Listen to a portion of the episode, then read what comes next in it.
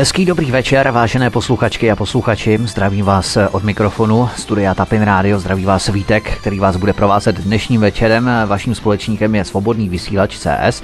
Jako tradičně v pondělí, středu a pátek od 19 hodin, kdy máte možnost slyšet hovory u Klábosnice.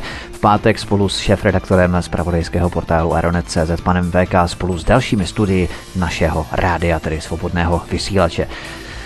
Vítejte při poslechu třetího dílu analýzu a vazeb, jednak tedy prezidentských kandidátů, jednak i politických stran, které se ucházely o přízeň voličů v roce 2017 a my se budeme věnovat právě těmto spojitostem i v oblasti dalších kandidátů a prezidentských kandidátů, tedy a politických stran, jako je Marek Hilšer. Dnes si povíme něco i o Miloši Zemanovi, Vratislavu Kulhánkovi, realistech, SPD, také probereme TOP 09, to bude velmi zajímavé spojení s českou televizí, jak jsme avizovali na sociální síti Facebook s českou televizí i s ČSSD, jakým způsobem TOP 09 a lidé z okruhů kolem TOP 09 a ČSSD se podílejí na české televizi, respektive mají úzké vazby na českou televizi.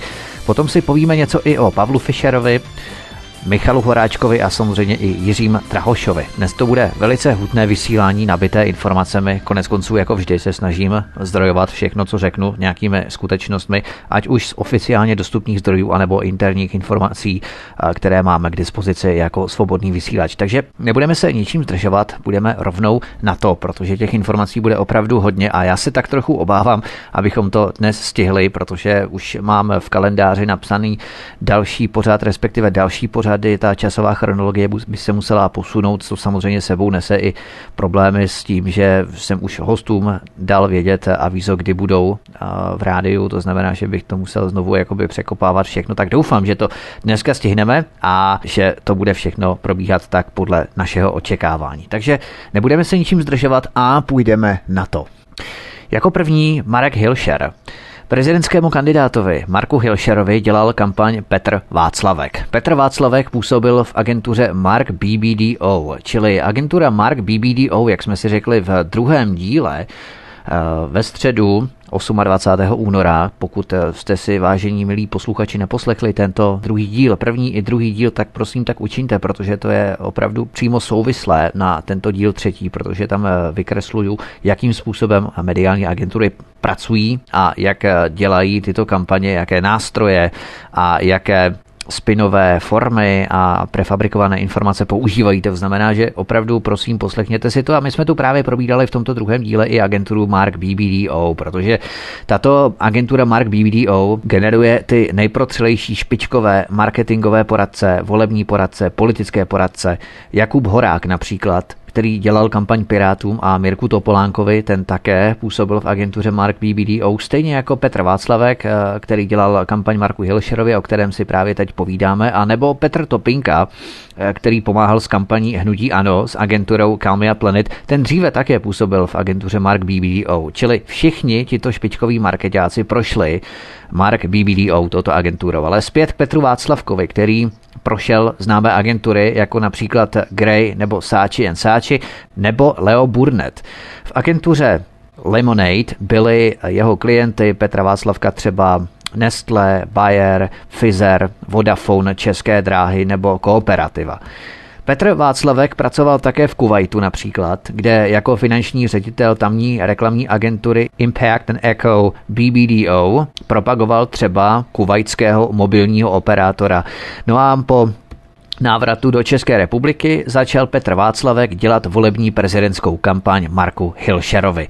Jeho mluvčí Pavla Čechová zdůraznila, že prý zdarma. Inu altruismus a filantropie se čas od času vyskytuje i v české kotlině, zvláště v případech, kdy propagujete jednoho z prezidentských kandidátů. Jenom škoda, že se ten altruismus a filantropie nenosí třeba i s méně marketingově viditelnými klokánky pro české děti. Bohužel české děti nejsou asi takovým marketingovým artiklem nebo tahákem jako prezidentský kandidát nebo 30-letý dětský uprchlík z Nigérie například. Takže altruismus ano, filantropie ano, ale jak se říká, vocať pocať hezky česky. Nic. Pojďme dál, protože podle českých chytrých mozků některých novinářů migrace se České republice vyhýbá, tak eh, proč to řešit, že? Jenom nám tyto chytré mozky nedokázaly odpovědět a vysvětlit skutečnost, takovou maličkost, proč takový nezištní altruismus a filantropie neziskovek stál daňové poplatníky v roce 2016 16 miliard 480 milionů 385 tisíc korun českých, což bylo o miliardu 114 milionů 880 korun více než v roce 2014. Když se nám migrační krize vyhýbá, k čemu tolik miliard, vážení altruisté a filantropové? Pokud chcete pomáhat, dělejte to srdíčkem. Ne za prachy, protože jinak byste mohli lehce upadnout do podezření, že se chcete na migrační krizi obohatit, zvláště když se nám vyhýbá. Za prachy pracují přece pouze protřelí marketáci, jako třeba Petr Václavek, který vystoupil před několika lety v pořadu Hyde Park ČT24, kde mimo jiné Petr Václavek prohlásil toto. Reklama lže, Snaží se na úkor lidí obohatit. Co je dnes záměrem reklamy? Kromě vydělávání prachu netuším. Agentura vám udělá reklamu na cokoliv. Přestal tam být duch, naplnění, záměr. Je z toho taková divná skořápka, kde jde jenom o prachy. Konec citace. Pokud tím pan Bartek poukazoval na jeho budoucí angažma u Marka Hilšera, musíme s jeho slovy vřele souhlasit.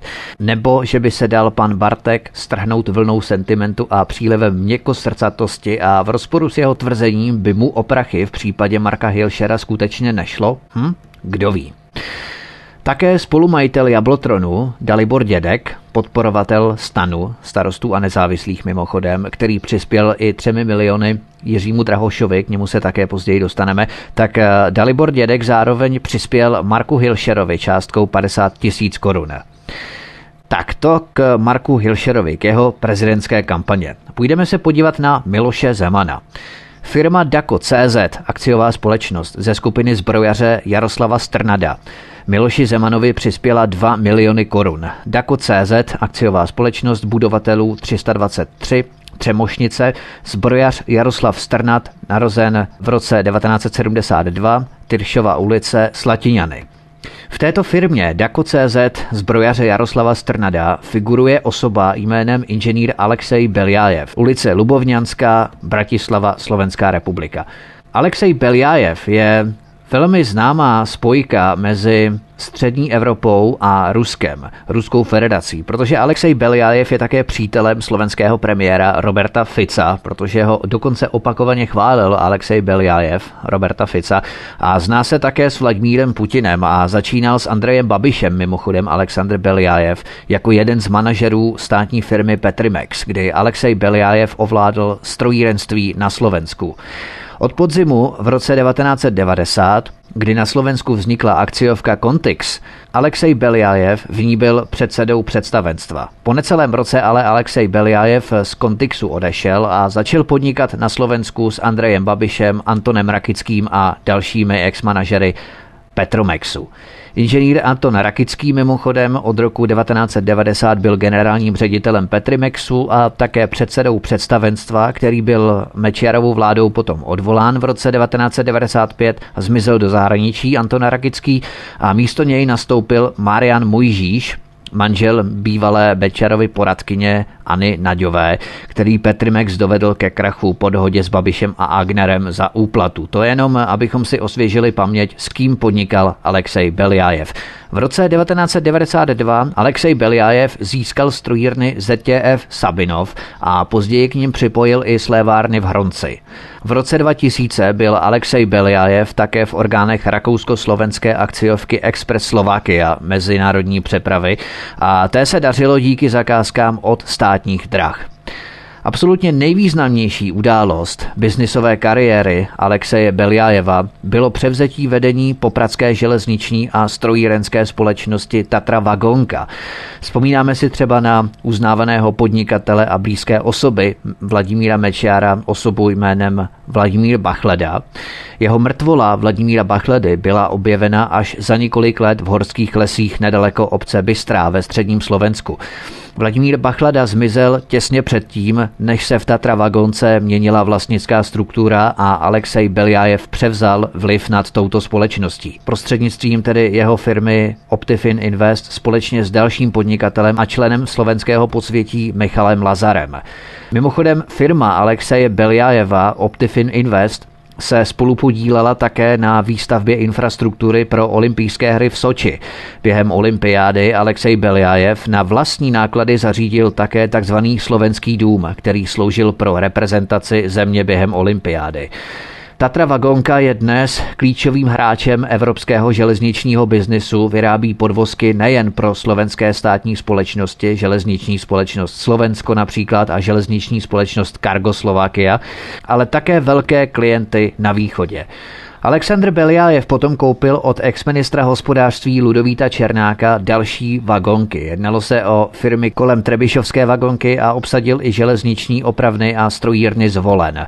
Ty ovládá Optifin Invest Alexandra Beliajeva spolu s dalším podnikatelem a sponzorem vládní strany Smer sociálna demokracia Vladimírem Pórem, se kterým se opakovaně setkával například slovenský premiér Robert Fico. Třeba tehdejší ministerstvo dopravy v Smeru kde seděl ministr Lubomír Vážný, tak ještě předtím Lubomír Vážný, před eh, rokem 2006, kdy se stal ministrem dopravy, tak eh, před tím rokem 2006 působil Lubomír Vážný eh, ministr dopravy strany Smer, působil v představenstvu Naftik Belly v čase, kdy tam byl Vladimír Pol jedním z hlavních akcionářů. Lubomír Vážný tehdejší ministr dopravy za Smer, seděl v orgánech biotiky zase s Janem Gabrielem. S Vladimírem Pórem, tímto podnikatelem, sponzorem strany Smer, seděl ve firmě ABC Credit tehdejší člen dozorčí rady Národní dálniční společnosti Rastislav Noskovič. Pórovi lidé se po volbách 2006 dostali také do představenstva Karga, jmenovitě Miloslav Lužák a Ivana Piňusová. Takže ve slovenském Kargu seděli lidé Vladimíra Póra, sponzora strany Smer, a pro Cargo vyrábí podvozky Tatra Vagonka Alexeje Beliajeva s osobní známostí na Roberta Fica, předsedy strany Smer, kterého dokonce Alexej Beliajev chválil. Hezky si to umí velcí kluci ošéfovat a zařídit, že? Navíc Alexej Beliajev štědře podporoval HZDS Vladimíra Mečiara po roce 2006, kdy byla v koalici s SNS a právě stranou Smer Roberta Fica. Alexej Beliajev přispěl straně HZDS například částkou 10 milionů korun v roce 2007. Vzpomínáme si na tu legendární igelitku se 7 miliony korun, kterou do centrály HZDS přinesl 80-letý důchodce Rudolf Trávníček tehdy. Je jenom paradoxem, že lidé z okruhu kolem Alexeje Beliajeva měli údajně zavraždit Mečarova blízkého známého a spolupracovníka Vladimíra Bachledu a jenom o pár let později Právě Alexej Beljajev štědře podporoval Mečiarovo HZDS. Inu historické paradoxy doby, že?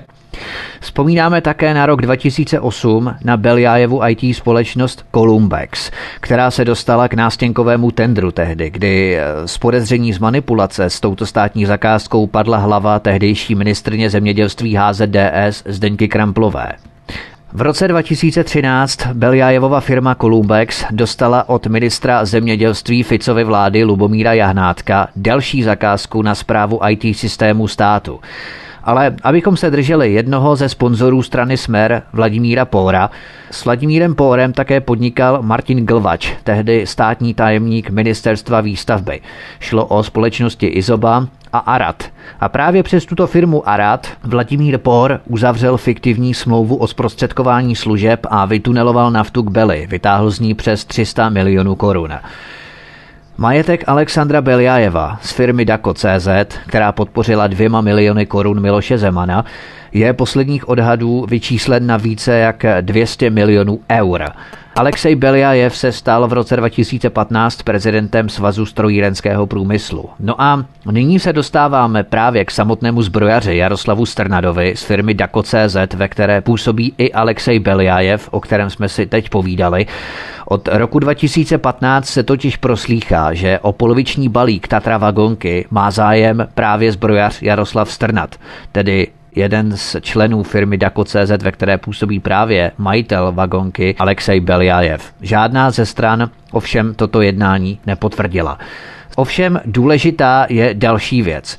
Zbrojař Jaroslav Strnat, tedy jeden z podporovatelů Miloše Zemana dvěma miliony korun, vlastní také firmu Excalibur Army. Tato společnost, zbrojaře Jaroslava Strnada Excalibur Army, Je zhotovitelem těžké vojenské techniky v Šenově na Novojičínsku v rámci Šenovského vojenského opravárenského podniku nebo zbrojovky ve Šternberku, odkud bývá tato těžká vojenská technika přepravována na Mošnovské letiště, kamiony s podvalníky dopravní společnosti Nika Chrudim, která také spadá do holdingu Excalibur Group, zbrojaře Jaroslava Strnada, jehož další firma Dako.cz podpořila dvěma miliony korun Miloše Zemana. Z Mošnovského letiště bývaly některé vojenské dodávky převáženy na Ukrajinu obřím letounem Antonov AM-225 Mria. Tento obří letoun spoluvlastní ukrajinská společnost Antonov Airlines sídlící v Gostomelu poblíž Kijeva.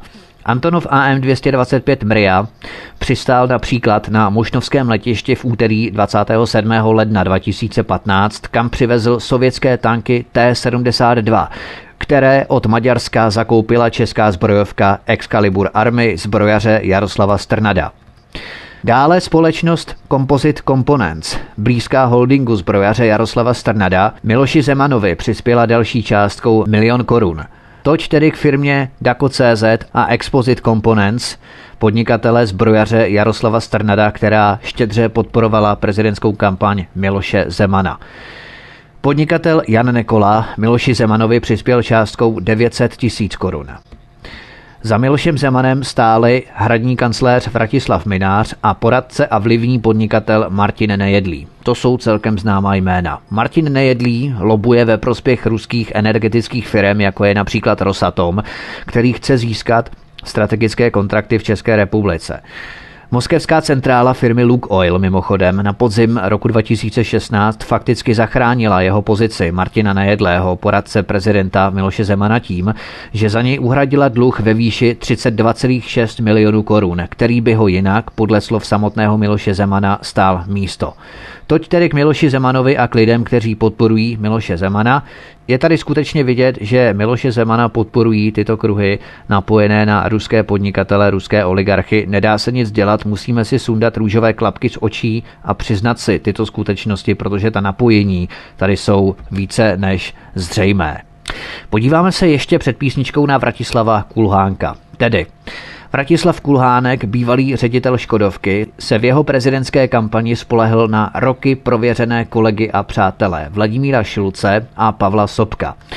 Vladimír Šulc dříve ve Škodě vedl PR oddělení a Pavel Sobek má zase na kontě reklamy pro Fiobanku třeba nebo kampaň Kofoly. Jinak Vratislava Kulhánka podporovala skupina kolem Pavla Sehnala. Pavel Sehnal je majitelem Čestlic, který obhajoval ty muslimky ráchající se v jeho bazénu v Burkinách a v Abáje v tomto létě 2017 nebo v létě předchozího roku 2017. A Pavel Sehnal finančně podporoval občanskou demokratickou alianci ODA tedy. Tak tento Pavel Sehnal přispěl částkou 5 milionů 500 tisíc korun. 5,5 milionu korun Vratislavu Kulhánkovi na jeho prezidentskou kampaň.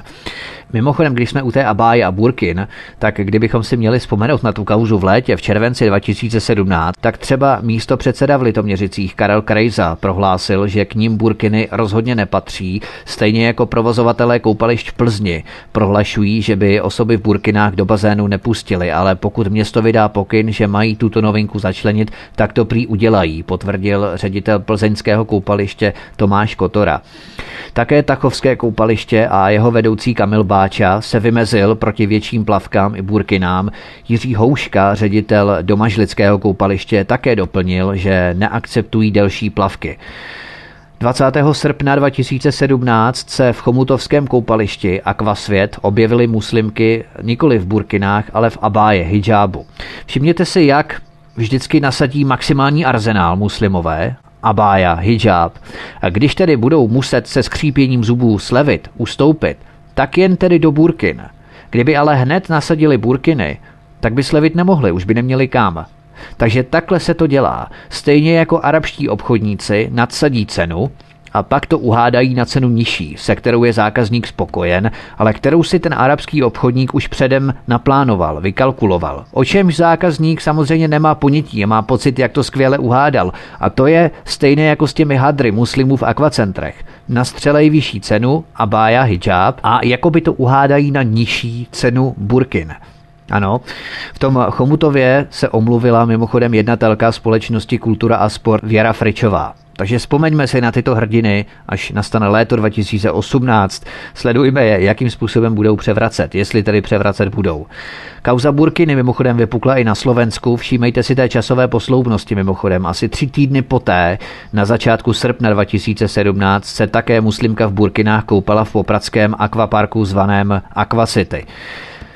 Tak eh, to je jenom Pavlu Sehnalovi, majiteli akvaparku Čestlice, do které se chodí ráchat muslimky v Abáje v Burkinách. Uvidíme, jak to bude v létě roku 2018. Takže tento člověk podporoval prezidentskou kampaň Vratislava Kulhánka. Po písničce se půjdeme krátce podívat na realisty, protože realisty jsme tu poměrně dlouho sáhle obsáhle probírali v rámci vládního amerického vládního programu International Visitors Leadership v rámci osob, které jsou spojeny a které absolvovaly tuto stáž americkou, sponzorovanou americkou vládou nebo americkým ministerstvem zahraničím. Takže té se budeme věnovat v rámci jejich politické kandidatury i jejich exponentů, no a potom se podíváme i na TOP 09 a další politické strany a jednotlivé prezidentské kandidáty. Takže zůstaňte s námi, zdraví vás Vítek od mikrofonu na svobodném vysílači, přeju vám hezký večer, po písničce jsme tu zpátky. Hezký dobrý večer, jsme tu zpátky po písničce, zdraví vás Vítek ze svobodného vysílače Studia Tapin Radio, posloucháte pořád cyklus pořadu Hovory u Klábosnice, ve kterém se věnujeme analýzám jednotlivých prezidentských kandidátů a politických stran a kdo za nimi v zákulisí stojí a kdo jim vytváří mediální, politické i prezidentské kampaně. Tak půjdeme k realistům, jak jsme si řekli před písničkou. Mnozí si možná i dnes vybaví reklamní klipy ještě v 90. letech o lanze bílé, pracím prášku. Tak eh, to třeba vymyslel, tuhle reklamu vymyslel Daniel Bartek. A na propagaci pracího prášku spolupracovali třeba i režisér Jan Svěrák nebo kameraman pan Brabec. A právě Daniel Bartek stál u zrodu agentury Young and Rubicon CZ, nádražní 762 lomeno 30, Smíchov Praha 5. Jednateli je aktuálně inženýr Evžen Drtina, ulice Zahradníčkova, Motol Praha 5, Josef Janoušek, ulice Matjuchinova, Zbraslav Praha 5 a magistr Jan Havlíček, ulice Nahádku, Dubeč Praha 10 nebo stál Daniel Bartek u dalších agentur PDK a nebo agentury Ogilvy. Daniel Bartek potom dělal tajemníka Vítu Bártovi a později náměstka na ministerstvu dopravy Víta Bárty, když byl Vít Bárta z ministerstva dopravy sesazen. Následně ministr Pavel Dobeš eh, Daniela Barteka odvolal. Pavel Dobeš se mimochodem zbavoval postupně dalších lidí, například Reného Poruby, někdejšího šéfa ředitelství silnic a dálnic eh, za pana Barty, Víta Barty, ale to bychom odbíhali poměrně. Potom se Daniel Bartek seznámil s Vítovým spolupracovníkem Michalem Morozem. Michala Moroze jsme tu už probírali poměrně obšírně, eh, jeho rodinu a tak podobně, tak k němu se nebudeme vracet. Když tak, vážní posluchači, si stáhněte pořad eh, v druhém díle pořadu ohledně amerického vládního programu International Visitors Leadership. A Daniel Bartek potom pomáhal robejškovým realistům. Pomáhal v kampani do sněmovny 2017 a poté měl na starosti propagaci kandidáta realistů Jiřího Hinka. Tak, to by bylo k realistům. Já jsem se snažil vymezit to skutečně jenom na ty volby, protože o realistech bychom tu mohli mluvit dlouho a dlouho, protože jsou napojeni na poměrně zajímavé lidi, ale říkám, to jsem všechno probral v rámci toho amerického vládního programu International Visitors Leadership v druhém díle, tak eh, prosím, stáhněte si druhý díl International Visitors Leadership tohoto vládního amerického programu a tam to všechno rozebírám. Michala Moroze a tak podobně, Víta Bartu, ABL a tak dále a tak dále. No, pojďme se podívat na SPD, Svoboda a přímá demokracie Tomio Okamura. Začneme trochu ze široka. Parlamentní listy provozuje společnost Our Media AS, kterou spoluvlastní senátor a majitel hazardní skupiny Synod Ivo Valenta, to všichni víme, v podstatě skrze kyperskou společnost eh, World Capital Ventures, a společnost Our Media AS také vlastní poloviční podíl společnosti vydávající protiprout Petra Hájka a Our Media AS má také poloviční vlastnictví ve firmě Easy Communications s majitelem výzkumné agentury Sanep Janem Fulínem. Jan Fulín také provozuje web první zprávy CZ mimochodem a Jan Fulín také vlastní společnost Astro Capital. A přes tuto Astro Capital vlastní pan Fulín společnost Playnet. A právě Janu Fulínovi, konkrétně jeho firmě Playnet, 20. ledna 2018 zaplatila SPD Svoboda a přímá demokracie 7,4 milionů korun za volební průzkumy a analýzy. Nejprve to bylo 4,470 milionů korun za mediální zastoupení a poradenství v oblasti PR a potom 2,904 milionů korun za analytickou činnost. Tyto smlouvy byly podepsané 3. července 2017 mimochodem.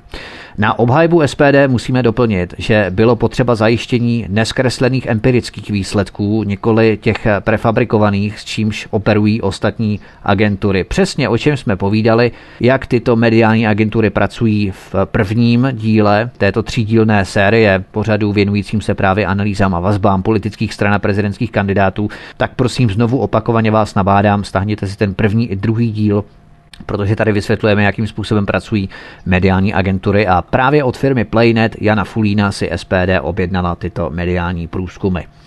Další věc. SPD si nechali vytisknout propagační materiály, které si objednali u firmy Seven Design SRO, Ruská 2974, Vítkovice Ostrava, patřící Robertu Runtákovi.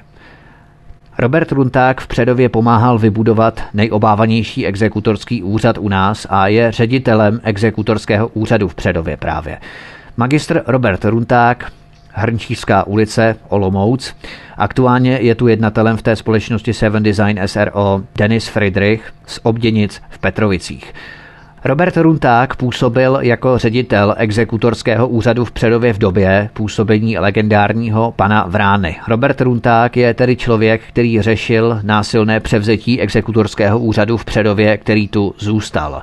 V souvislosti s tímto násilným převzetím padaly výhrušky, jistě si vzpomínáme s podáním žalob, kdy předovský exekutor doktor Jícha obvinoval dalšího předovského exekutora doktora Tomáše Vránu, že z úřadu vyvedl 300 milionů korun a Robert Runták je hlavou předovského exekutorského úřadu po celou dobu.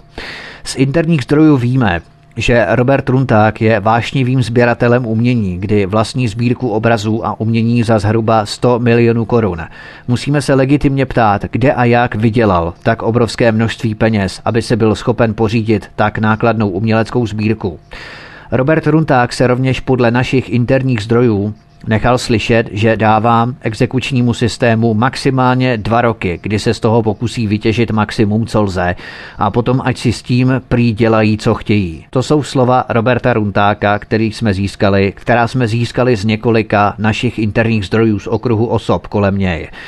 Panují rovněž podezření, ovšem to nemůžeme potvrdit, že majitelem dodávek, které předovský exekutor Lukáš Jícha používá k mobiliárním výjezdům v rámci exekucí, je právě ředitel exekutorského úřadu v Předově Robert Runták.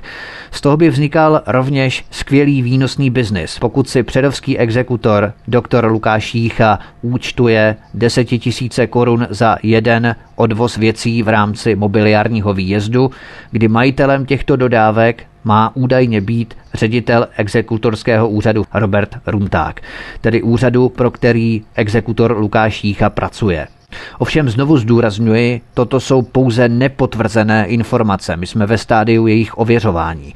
Ještě zjišťujeme mimochodem, jak poslanci hlasovali v rámci zákona číslo 499 senátního návrhu teritoriality, když se hlasovalo o předřazení, když se hlasovalo o prvním čtení a potom druhý zákon 238, kde byl zapsaný návrh ve třetím čtení. Tak jak poslanci, včetně poslanců SPD, hlasovali ještě v minulém volebním období, když Tomio Okamura opakovaně vystupuje proti exekucím, tak ještě uvidíme reálné činy, nikoli pouhá slova. Nicméně faktem je, a tuto skutečnost nelze popřít, že SPD si nechali vytisknout propagační materiály, které si objednali u firmy Seven Design SRO, vlastněné hlavou předovského exekutorského úřadu Robertem Runtákem. Dále podíl na výrobě tisku a distribuce volebních novin SPD přiznávají podnikatelé Jan Čížek a Ondřej Hepner. Jan Čížek, ulice pod Rapidem, Vinohrady Praha 10, je majitelem firmy Strategic Consulting SRO, ulice pod Rapidem 2454 lomeno 10, Vinohrady Praha 10, která tiskne několik desítek radničních listů pro samozprávy v celé republice. Ondřej Hepner je zase bývalým šéf-redaktorem několika bulvárních titulů, nyní vydavatelem čtyř pražských a brněnských měsíčníků komunálního charakteru a také je stálým spolupracovníkem serveru Protiprout Petra Hájka. Protiprout SRO Opletalova 928 lomeno 20 Nové město Praha 1. Jednatelem je Petr Hájek, Opletalova ulice Praha 1 a do února 2017 jako jednatel působil Jan Tvrdoň z Lhotky nad Bečvou Lešná. Inženýr Radim Fiala, druhý nejdůležitější muž svobody a přímé demokracie strany SPD. Dříve na adrese Ruská Prostějov, aktuálně na adrese Dykova ulice Prostějov, 15 let působil v ODS jako člen výkonné rady ODS a člen regionální rady strany Olomouckého kraje. Radim Fiala po odchodu ze strany ODS v roce 2012 kandidoval v Olomouckém kraji za úsvit přímé demokracie tehdy Tomio Okamura v roce 2013. Například v Královéhradeckém kraji za tehdejší úsvit přímé demokracie zase kandidoval agent plavec známý Jarmír Štětina, který byl přímo ve věcech veřejných. V Ústeckém kraji byl na kandidátce David Kádner, také bývalé věci veřejné. Na Vysočině byl zase Martin Lang, šéf-redaktor z pravodajství Hit Radio Vysočina, v Moravskosleském kraji Karel Fiedner, živnostník, v Karlovarském kraji zase Pavel Rýs, ten režisér, co chtěl zachránit lázně Kyselka, si vzpomínáme, ve Zlímském kraji Jaroslav Holík nebo v Plzni Vít Bárta. Tito všichni kandidovali dříve za úsvit přímé demokracie. Prosím, zachovávejme si paměť, nezapomínejme jména a stranickou příslušnost. U Víta Bárty bychom se měli nyní na chvilku pozastavit. Vít Bárta kandidoval v Plzni za úsvit přímé demokracie, jak jsme si řekli, a jedním z poradců Víta Bárty byl ruský student ekonomie Sergej Pavliuk. Sergej Pavliuk pracoval vedle Michala Moroze, Daniela Barteka, jak jsme si řekli, o kterém jsme mluvili v souvislosti s realisty, jako poradce Víta Bárty ještě za doby jeho působení ve věcech veřejných jako předsedy do 18. dubna 2012. Ovšem Sergej Pavliuk se potom stal asistentem poslance Radima Fialy, který je jedním z nejdůležitějších členů strany SPD Tomio Okamura. Otcem Sergeje Pavliuka je Oleg Pavliuk, narozen v červenci 1958, který byl důstojníkem sovětské armády a rovněž vojenským novinářem. Oleg Pavliuk také podniká s dalším bývalým důstojníkem sovětské armády Vladimírem Vasiljevem. Oleg Pavliuk je spolumajitelem dopravní a zasílatelské firmy East Express, která se specializuje na přepravu zboží do Ruska, Běloruska a na Ukrajinu. Společníkem je tu jeho bratr Vadim Pavliuk, který byl také bývalým důstojníkem sovětské armády, konkrétně působil u námořnictva a později se přestěhoval do Spojených států amerických. Vladimír Vasiljev působil rovněž v sovětské armádě, například jako velitel tankové roty v Kazachstánu, později působil v Německu a nakonec se usadil v Česku, v Ostravě, kde začal podnikat s Olegem Pavliukem. Jeho syn, Sergej Pavliuk, byl poslaneckým asistentem Radima Fialy do srpna 2017. Radim Fiala je nyní předsedou parlamentního hospodářského výboru. Ovšem chobotnice vede až ke straně Pirátů, protože Sergej Pavliuk, bývalý poradce Víta Bárty a poté asistent Radima Fialy, se setkal 19. listopadu 2012 s místo předsedou Pirátů Mikulášem Ferjenčíkem. Mikuláš Ferjenčík díky stipendiu nadace Serešovi Open Society Fund Praha studoval dva roky na Brentwood School Essexu ve Velké Británii a také pracuje pro Janečkovou iniciativu rekonstrukci státu. Mimochodem jeho sestra, doktorka Olga Richtrová, se také stala od 21. října 2017 poslankyní parlamentu České republiky. Sergej Pavliuk chtěl po Mikuláši Ferjenčíkovi aby sjednal schůzku předsedy Pirátů Ivana Bartoše s Vítem Bartou tehdy, o které Ivan Bartoš informoval 9. ledna 2013, že schůzka proběhne. Ta schůzka proběhla skutečně o den později, tedy ve čtvrtek 10. ledna 2013 v 16 hodin 30 minut v kanceláři Víta Bárty. Schůzky se tedy vedle Sergeje Pavlíuka účastnil tedy Ivan Bartoš, předseda Pirátů, další místo předseda Pirátů Jakub Michálek a samozřejmě i Vít Barta. Mělo se jednat podle Ivana Bartoše o zákonu číslo 106, tedy ke svobodném přístupu k informacím, a mělo jít o mapování terénu Víta Bárty kolem tehdy Holešovské výzvy, kde jako centrální koordinátor Holešovské výzvy figuroval inženýr Vlastibor Čermák, bývalý důvěrník STB a asistent Sergej Pavliuk, v květnu 2017, tedy několik měsíců po rozchodu s Radimem Fialou v srpnu 2017, založil firmu Video Effect. Tato firma zakládá nebo spravuje sociální sítě, webové stránky, připravuje videa, prezentace, provádí hloubkové analýzy nebo audity, online komunikace a tak podobně. Radim Fiala vlastní prostějovskou bezpečnostní agenturu BS King SRO. Dříve na adrese Bulharská, potom za Brněnskou ulicí, potom ulice Palackého a aktuálně Floriana Nováka 5267 lomeno 3 Prostějov. Tato firma se zabývá ostrahou objektů, zajišťováním kamerové nebo jiné zabezpečovací a požární systémy nebo ochrany osob. Dříve ještě tato bezpečnostní firma zajišťovala ostrahu osob a majetku, včetně převozu ceností a finančních prostředků. 16. července 2015 se stal Sergej Pavliuk členem představenstva ve firmě EF Holding. Zde působil Sergej Pavliuk do dubna 2016.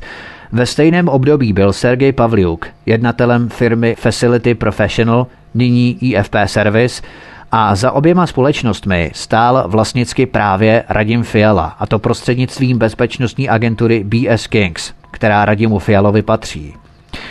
Jednatelem do října 2014 byl Radim Fiala, ale nyní je jednatelem Robert Sivoň z Ohrozimy. Dříve tu jako jednatelé v této BS Kings bezpečnostní agentuře Radima Fialy figurovali Josef Dreisaitl ze Suché, inženýr Jiří Nikodym, ulice kapitána O. Jaroše v Prostějově a magistr Jan Morávek, ulice Tolstého v Pražských Vršovicích na Praze 10. Toť ke straně SPD, svoboda a přímá demokracie. Vidíme ta fakta, já se snažím opravdu držet se skutečně faktů, protože my jsme jako svobodný vysílač na stejné ideové platformě a podporujeme stranu SPD. Nicméně tyto skutečnosti, ať chceme nebo nechceme, pokud se o nich dozvíme, tak o nich musíme informovat. Mně je to velice líto, ale prostě je to tak a nedá se s tím nic dělat. Tak abyste si vážení posluchači nemysleli, protože vím, že existuje část takzvané alternativy, která se vždy rozhýká nadšením a blahem kdykoliv, když se někdo může kopnout do SPD, zřejmě pro jejich nenaplněné politické ambice, nebo nevím proč, tak určitě to nebude náš případ. My se budeme čistě držet faktů a záležitostí, které lze ověřit i křížově, takovým způsobem, které budeme prezentovat. My nebudeme rozebírat biznisové aktivity každého člena, protože to je čistě záležitost jejich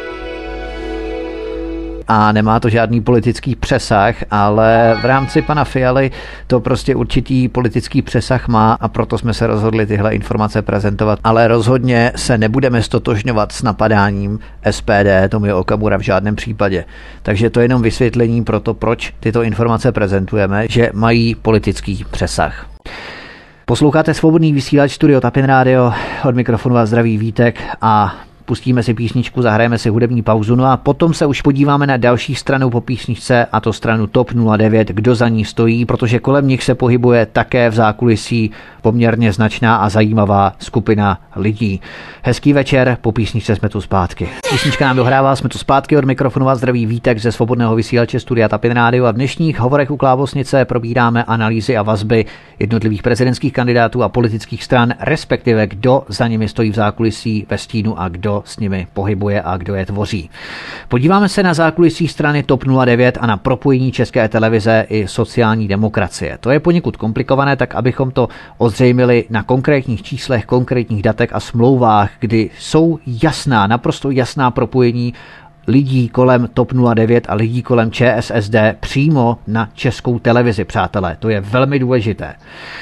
Začneme obligátní informací, která je mediálně, si myslím, poměrně známa a to, že Zdeněk Bakala věnoval v roce 2010 15 milionů korun straně ODS a TOP 09 7,5 milionů korun a věcem veřejným 6 milionů korun. Podívejme se, kdo sponzoroval TOP 09 v době jejího vzniku v roce 2009. To se ale musíme vrátit o něco dále do minulosti, konkrétně do roku 2004.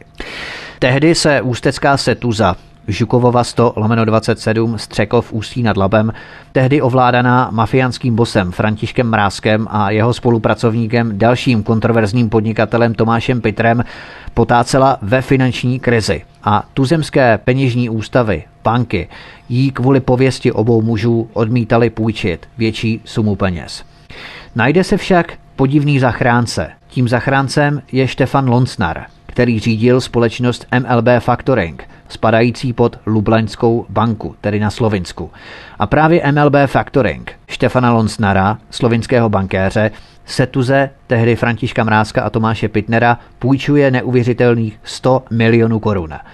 O pět let později se týž slovinský bankéř Štefan Lonsnar, který půjčil Františku Mrázkovi a Tomáši Pitrovi, stává významným sponzorem nově vzniklé strany TOP 09, které přispěl milionem korun.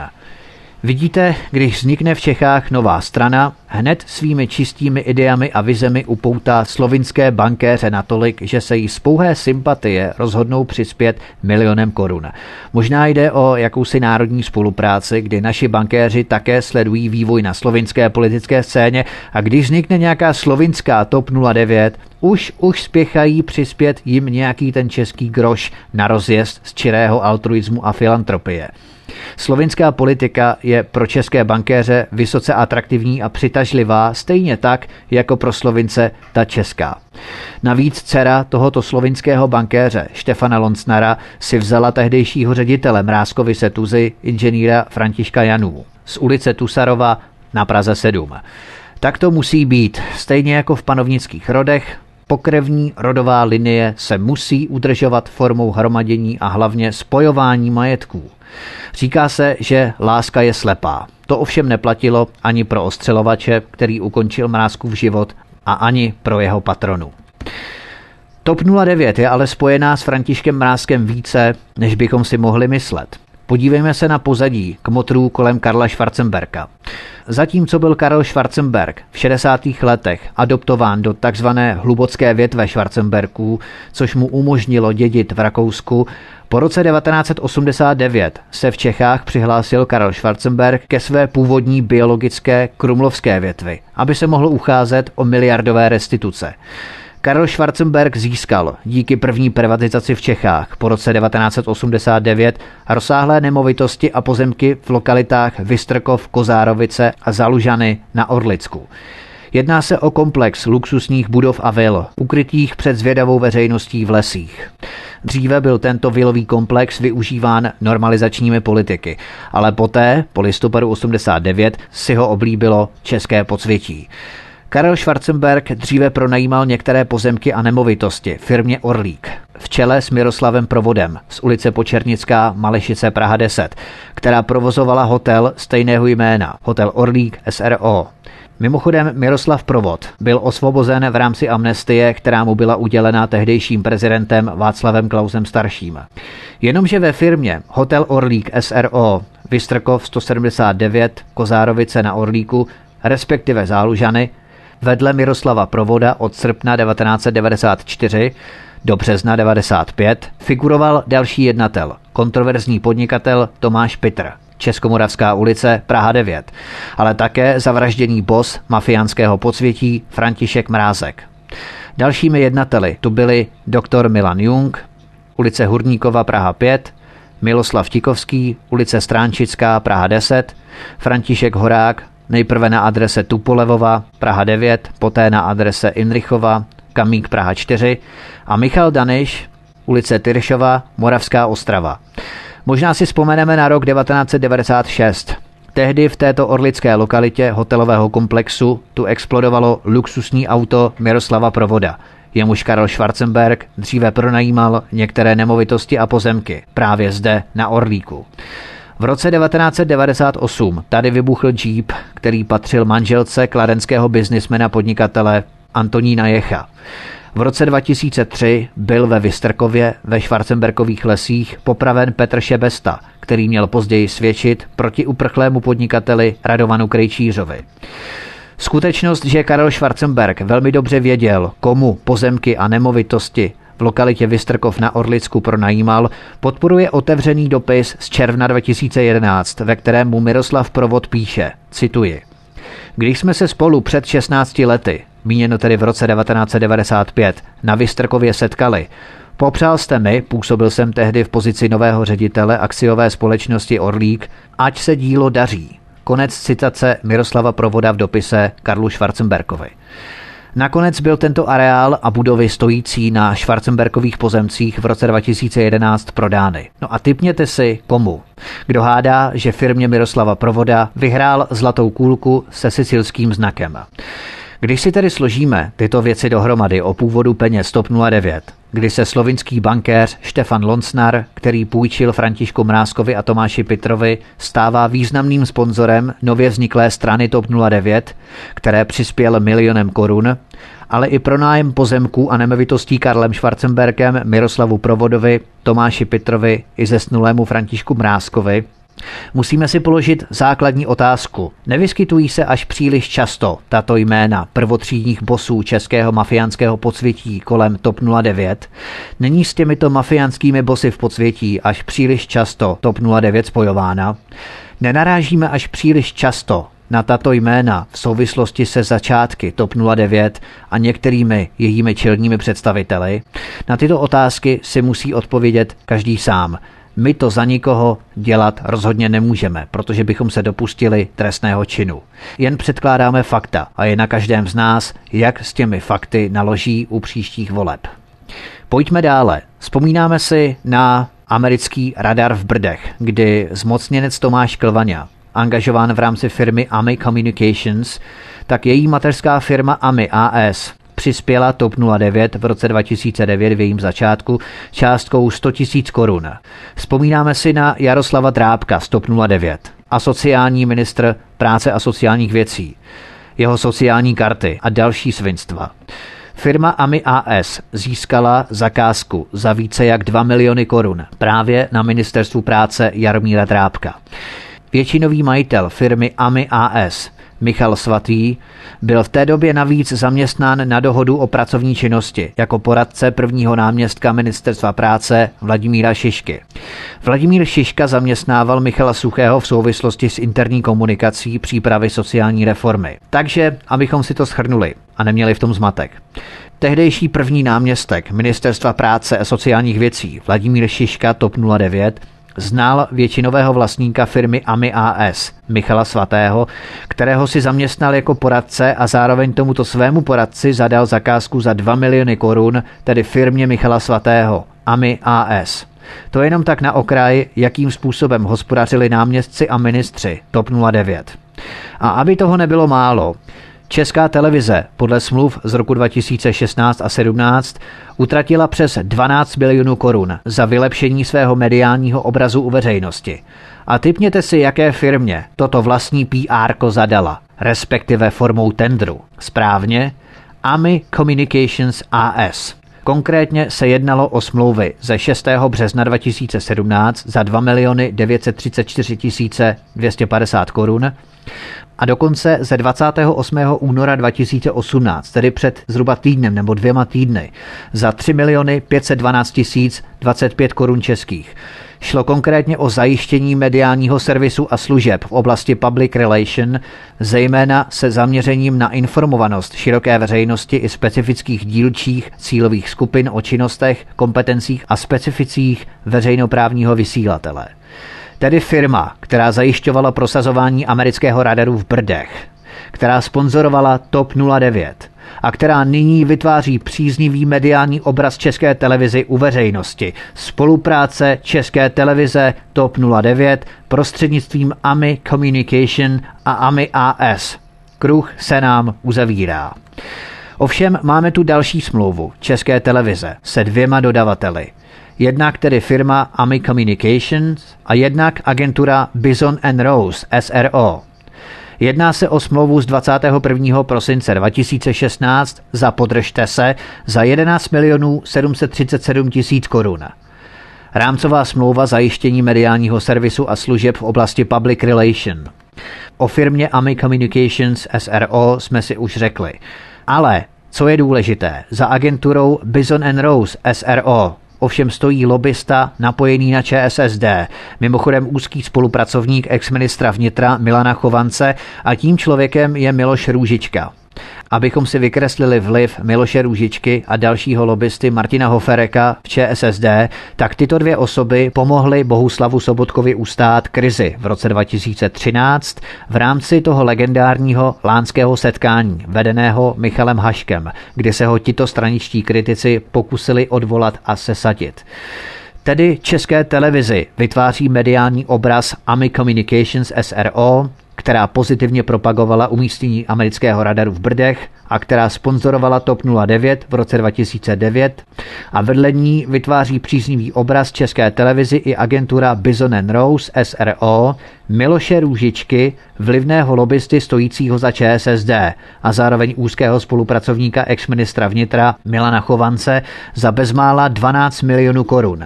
Může ještě nikdo pochybovat o vlivu skupin kolem ČSSD, ODS a TOP 09 a Českou televizi?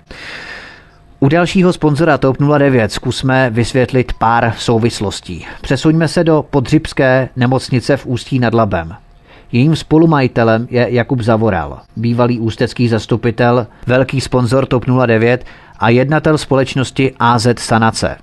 Vzpomínáme si na kauzu zakázky pro nájmu odpočívadel na dálnicích za 280 milionů korun, kterou získala právě AZ Sanace Jakuba Zavorala.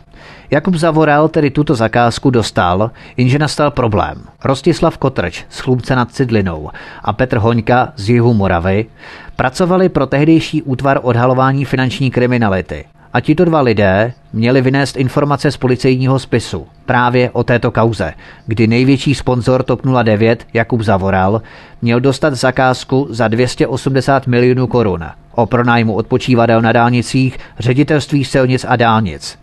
Jenomže co se nestalo? Oba kriminalisté se rozhodli, že se nechají vyšetřit psychiatrem Jiřím Pišvejcem právě v této nemocnici Jakuba Zavorala, sponzora TOP 09. Rozumíte, z Jižní Moravy se rozjedete nechat se vyšetřit do severních Čech. Už tento samotný čin nebo tato samotná skutečnost zasluhuje zvýšenou péči psychiatra. Ale v tomto případě se oba kriminalisté nechali vyšetřit v nemocnici patřící největšímu sponzorovi TOP 09, Jakubu Zavoralovi, který zároveň tuto zakázku za 280 milionů korun dostal a výbušné informace o tom vynesli ze spisu právě tito dva psychologem a policií vyšetřovaní kriminalisté. Rozhodně je to náhoda, že si vybrali zrovna tuto nemocnici na druhé straně republiky, že? Kdo byste si třeba mohl začít myslet, že by třeba mohla TOP 09 krýt svého největšího sponzora Jakuba Zavorala z provalení této kauzy pro nájmu dálničních odpočívadel, tak se určitě mílíte. A máme tu další společnost, Pike Electronics SRO, zabývající se počítačovým softwarem. Tato společnost Pike Electronics SRO se ocitla na seznamu sponzorů výroční zprávy TOP 09 z roku 2011. A stejná firma Pike Electronics SRO, světe div se, získala v polovině dubna téhož roku 2011 bez výběrového řízení zakázku v oblasti konzultačních služeb na ministerstvu financí, ovládané tehdy TOP 09. Posuďte sami potřebnost dané zakázky za 300 tisíc korun. Ve smlouvě se píše, že Předmětem dodávky bude dokumentace popisující technické prostředí objednatele, v němž provozuje aplikační servery Oracle, webové technologie a aplikace. Řešení bude dodáno ve formě dokumentu popisujícího jednotlivé složky analyzovaného systému, ten bude strukturovaný podle jednotlivých úrovní, podle náhledu na zkoumané prostředí do sekcí a tak dále. Musíte uznat, že takový životně důležitý dokument musel být pro ministerstvo financí tak nutný, že za něj byl ochoten tehdejší ministr financí Miroslav Kalousek zaplatit 300 tisíc korun ze svého. Pardon, ne ze své kapsy, ale ze svého ministerstva samozřejmě. Sám by určitě takový pakatel, jako je 300 tisíc korun, na svých účtech rozhodně nenašel. Z toho ho doufám nikdo nepodezříváte, vážení posluchači. Problém ale byl, že stejnou částku, kterou firma Pike Electronics SRO získala na této zakázce, věnovala TOP 09 jako sponzorský dar v témže roce.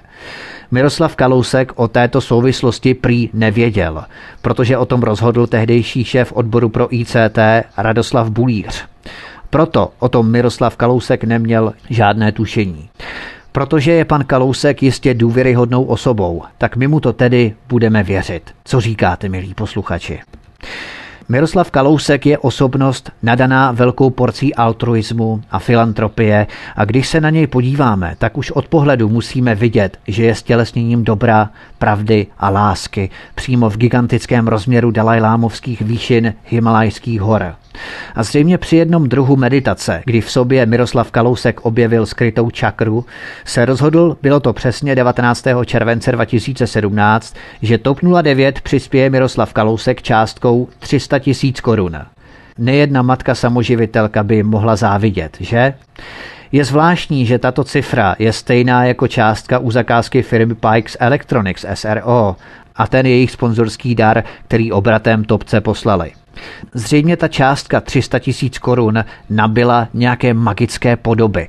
Proto i vy, vážení posluchači, pokud chcete posílit náš magický duch a potenciál svobodného vysílače, neposílejte nám nějakých 280 nebo 290 tisíc, ale rovných 300 tisíc korun, jako náš bezúhonný vzor Miroslav Kalousek 109. A ne, abyste to omylem přešvihli na 310 nebo 320 tisíc korun. Tolik si rozhodně nezasloužíme. Nám stačí jenom těch magických 300 tisíc korun, protože jsme skromní a ctíme hodnotu peněz, stejně jako naši čeští politici. Miroslav Kalousek vstoupil do politiky ještě za časů Národní fronty neblahé paměti, kdy zahájil svou kariéru v tehdejší ČSL, České straně lidové, a po roce 1989 přejmenované na KDU ČSL. V 90. letech v roli náměstka ministra obrany nakoupil nefunkční padáky, které vzali život jednomu vojínovi. Od dob lidoveckého působení se ministerstvo obrany stalo korupční černou dílou státního rozpočtu. V tomto kurzu pokračovala později i ministrině Vlastička Parkanová a Kalouskův kamarád Martin Barták, oba spojovaní s korupčním nákupem pandurů. V roce 2008 tehdejší ministr financí Miroslav Kalousek jak si nepostřehl, že se blížila ekonomická krize, finanční krize a z rozpočtového schodku 39 miliard se postupně vyklubalo 192 miliard, nejvíce v historii. K tomu výrazně přispěla daňová reforma, která způsobila výpadek v příjmech státního rozpočtu v řádu několika desítek miliard korun. Miroslav Kalousek se ale umí postarat o své kamarády. Podnikl například kroky ve prospěch Josefa Šťávy, který v arbitráži proti státu jehož zájmy, tehdy Miroslav Kalousek zastupoval, usiloval o bezmála 15 miliard korun. V roce 2007 vydal Miroslav Kalousek odpustek Karlu Schwarzenbergovi, takže Karel Schwarzenberg nemusel státu vracet pětimilionovou dotaci, kterou získal na obnovu svých rybníků, ale o 12 miliard z Mostecké uhelné, které ležely ladem ve Švýcarsku, se Miroslav Kalousek jaksi přihlásit nechtěl. To jenom, abychom si ve stručnosti připomněli našeho finančního génia, který si rád připisuje mentorskou imič zodpovědného hospodáře se státní kasou. Abychom nezapomínali, abychom si stále osvěžovali naší paměť, že TOP 09, stejně jako ODS, jsou strany bankéřů, finančních oligarchů, církve a velkokapitálů. Podívejme se na další sponzory TOP 09, kteří dokážou sáhnout hluboko do kapsy. Ovšem, bohužel, vždy do té naší. V roce 2013 Karel Schwarzenberg sponzoroval TOP 09, které zaslal částku 100 000 korun. A v roce 2017 zaslal Karel Schwarzenberg z TOP 09 částku nejdřív 50 a poté 500 tisíc korun. Dominik Ferry, ročník narození 1996, přispěl TOP 09 9. října 2017 částkou 30 tisíc korun. V tentýž den přispěla Helena Langšádlová celkem čtyřmi platbami. Nejprve částkou 7260 korun, poté 4000 korun, pak 5340 korun a nakonec 16067 korun. A potom znovu 2. října 2017 Hanna Langšádlová zaslala TOP 09 částku 16 067 korun.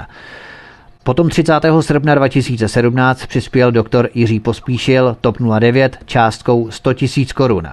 Potom 10. srpna 2017 přispěl Marek Ženíšek TOP 09 částkou 25 000 korun. A potom 7. srpna 2017 částkou 25 000 korun, tedy dohromady 50 000 korun zaslal Marek Ženíšek, člen TOP 09. A takto bychom mohli pokračovat dále a dále. Čili tady vidíte obrovské spojení podsvětí TOP 09 a hlavně spojení TOP 09 s českou televizí a i ČSSD s českou televizí. Všichni tyto lidé a lidé v zákulisí, kteří pomáhají ČSSD a TOP 09, zároveň spolupracují s českou televizí. Naprosto transparentně a průhledně prostřednictvím smluv. Je to velmi jasné a velmi jasné spojitosti. Zahrajeme si písničku a po písničce se podíváme na Pavla Fischera, dalšího prezidentského kandidáta roku 2018. Zdraví vás Vítek ze svobodného vysílače. Zůstaňte s námi po písničce opět další zajímavé informace. Hezký večer. Písnička nám dohrává, takže jsme tu opět zpátky. Zdraví vás Vítek ze studia Tapin Radio na svobodném vysílači CS, cyklus pořadu hovory u Klábosnice, který právě posloucháte a vstupujeme právě do čtvrtého vstupu eh, tohoto pořadu, pořadu hovory u Klábosnice, ve kterém se věnujeme analýzám a vazbám ohledně lidí v zákulisí politických stran a prezidentských kandidátů. Podíváme se na Pavla Fischera. Mluvčí Pavla Fischera byla spisovatelka Alena Ješková a Jakub Husar, co by režisér, dělal prezidentskou kampaň 2018 právě Pavlu Fischerovi, bývalému diplomatovi a také někdejšímu poradci Václava Havla mimochodem. Pavel Fischer byl někdejší poradcem Václava Havla, měli bychom to mít na paměti. V roce 2013 dělal Jakub Husar spolu s Vojtěchem Bednářem a jeho partnerkou Kateřinou Šustovou. Oni dělali prezidentskou kampaň extravagantnímu hudebnímu skladateli a potetovanému kandidátovi, jistě už víte, o kom hovořím, Vladimíru Francovi. Jak víme, Pavel Fischer začínal svou prezidentskou kampaň až jako jeden z posledních 5. října 2017 ale o to intenzivněji se Jakub Husár snažil a zde se právě odvíjela takzvaná Tyrkisová revoluce, o které se velmi často mluví v rámci majdanizace české mediální i společenské scény, protože eh, to nám připomíná architekturu barevných revolucí ve věnci zemí kolem Ruské federace. Mezi podporovatele Pavla Fischera patřil třeba brněnský středoškolský profesor a dramatik Zdeněk Papoušek, který je zároveň nezávislým senátorem za KDU ČSL. Pavlu Fischerovi přispěl přispěla německá investiční firma Fontis Family Office částkou milion a půl korun a dále třeba developerská společnost Atkins and Langford Development Pavlu Fischerovi zaslala částku 425 tisíc korun. Dále tu máme švýcarský účet s podpisem KT und Karolín, který Pavlu Fischerovi zaslal 699 tisíc korun. A Pavlu Fischerovi přispěla také jeho matka Jana Fischerová částkou 900 tisíc korun. Tak, to je Pavel Fischer. Já jenom, abychom se dostali na Michala Horáčka, na Jiřího Drahoše, protože to bude malinko delší, tak abychom se vešli do tohoto dvouhodinového vstupu nebo vysílacího okna, které je vyhrzené pro každé studio ve večerních časech. Tak pojďme se podívat na Michala Horáčka. Michal Horáček je zakladatelem a bývalým majitelem společnosti Fortuna, to myslím, že není třeba tak zdůrazňovat, to je každému jasné a známé. Tento miliardář patří do skupiny nejbohatších Čechů. Za socialismu každý rok cestoval na západ do Francie za svou sestrou. Každý ví, kdo měl v rodině migranta, tak eh, cestovat příliš nemohl. V roce 1984 strávil Michal Horáček půl roku na studijním pobytu ve Spojených státech amerických, také poměrně zvláštní za tohoto režimu. A mimochodem Michal Horáček napsal doktorantskou práci o hazardu jako o kulturním fenoménu. Jeho otec šéfoval Národnímu divadlu za toho socialismu, od kterého se chtěl pan Horáček tak komerčně nacionalisticky odštěpit do alternativního světa hazardu. A ačkoliv Michal Horáček sám vykonával profesi redaktora pro časopis Mladý svět, čímž určitě minulý režim nebudoval a nepodporoval. Mimochodem Fortunu prodal za 2,5 miliardy korun v prosinci 2004 skupině Penta. Pentě patří třeba síť lékáren Dr. Max, Fortuna samozřejmě, Penta vlastní třeba aerovodochody nebo vydavatelství Vltava Labe Media. To znamená list Deník. Michalu Horáčkovi dělala prezidentskou kampaň 2018 agentura Ewing Public Relations s jednatelkou jménem Pavlínou Rýslovou, ulice Hlubočepská v Hlubočepích v Praze 5. Styčnou důstojnicí kampaně Michala Horáčka byla Radka Hrstková, která kromě jiného pomáhala s krizovou komunikací bývalému jeho českému hejtmanovi, nyní prvnímu místopředsedovi ČSSD Jiřímu Zimulovi. Radka Hrstková také vedla zhruba sedmičlený agenturní tým v rámci prezidentské kampaně Jiřího Drahoše mimochodem.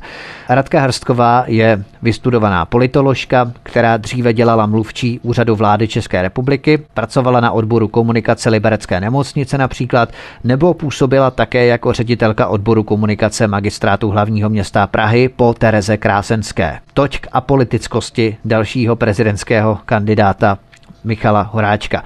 Mimochodem Jiří Zimola skončil proto, že z koalice ČSSD a jeho Čechy 2012 vystoupilo ano, přičemž sám hejtman Jiří Zimola čelil podezření z korupce v nemocnicích, dále jmenujeme spor o výstavbu jeho rekreačního objektu na Lipně, nebo jeho manažera Martina Bláhu, který na odměnách vyinkasoval ve své funkci přes 7 milionů korun ročně. Tedy Radka Hrstková propojuje práci pro Michala Horáčka, Jiřího Zimolu i Jiřího Drahoše. Mimochodem určitě nám vstoupila do paměti, nebo určitě si vzpomínáme na kampaň s heslem Děkujeme, odcházíme, kdy nátlakem přes 4 tisíce lékařů hrozilo, že odejdou ze zdravotnictví, pokud se jim nezvýší plat. Vzpomínáme si na tu černou sanitku s nápisem Náš exodus, váš exitus, co by výhruška pro nás, pro pacienty tak přesně tuto kampaň manažovala agentura, mediální agentura Ewing Public Relations, tehdy v čele s Jiřím Hrabovským, někdejším tiskovým mluvčím Škoda Auto. K němu se dostaneme níže mimochodem, k Jiřímu Hrabovskému. To je jenom, abychom si dokázali tuto agenturu zařadit, kam patří, do jaké skupiny. Mimochodem Ewing PR, Ewing Public Relations, převzala od ledna 2018 tohoto roku společnost Manage Social, specializovanou na digitální komunikaci. Agentura Ewing PR Public Relations pracuje v oblasti strategického poradenství nebo krizové a korporátní komunikace. Ewing Public Relation je zhruba třetí největší mediální agenturou v České republice se ziskem meziročně kolem 100 milionů korun českých. Agentura pracuje tak, že má rozdělené sekce do osmi specializovaných týmů podle odvětví oboru. Zdravotnictví, consumers, energetika a životní prostředí, finance a re, IT lomeno tech, transport, státní zpráva a konzultace, krizová komunikace.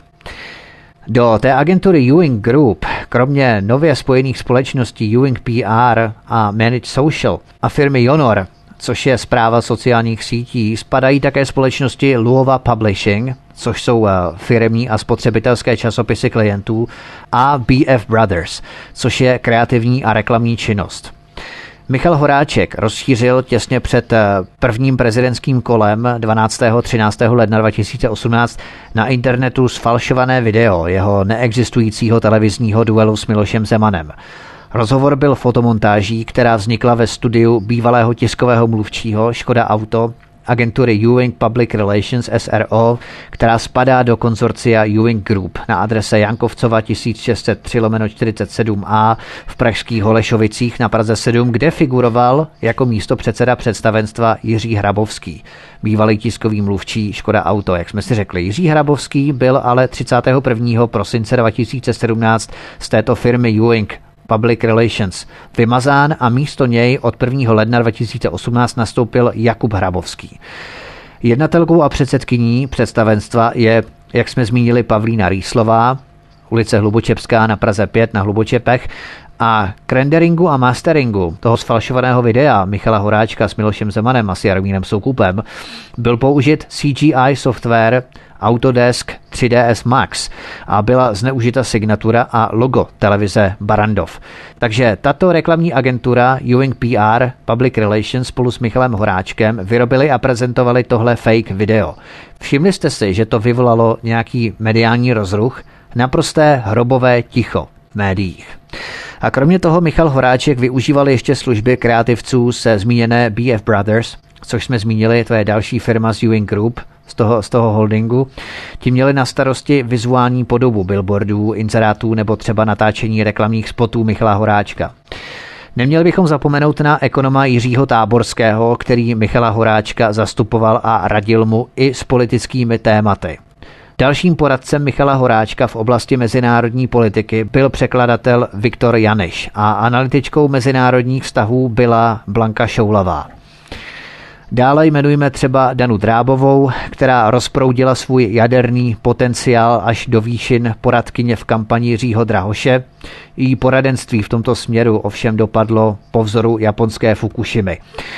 Dalšími poradci byli Leopold Koenig, Robert Reichl nebo Magda Vášáriová. Magda Vášáriová je signatářskou anticharty 28. ledna 1977 v Národním divadle a v roce 1988 od komunistického režimu obdržela titul zasloužilé umělkyně.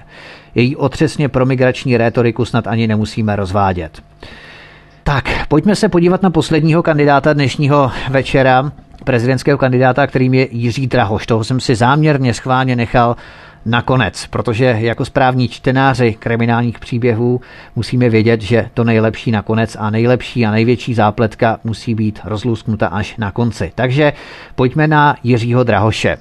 Už jsme se zmínili, že Michalu Horáčkovi dělala prezidentskou kampaň v roce 2018 agentura Ewing Public Relations s jednatelkou jménem Pavlína Rýslová z ulice Hlubočepské na Praze 5 na Hlubočepích a jakousi styčnou důstojnicí kampaně Michala Horáčka byla Radka Hrstková, která kromě jiného pomáhala s krizovou komunikací bývalému jeho českému hejtmanovi a nyní prvnímu místo předsedovi z ČSSD Jiřímu Zimolovi.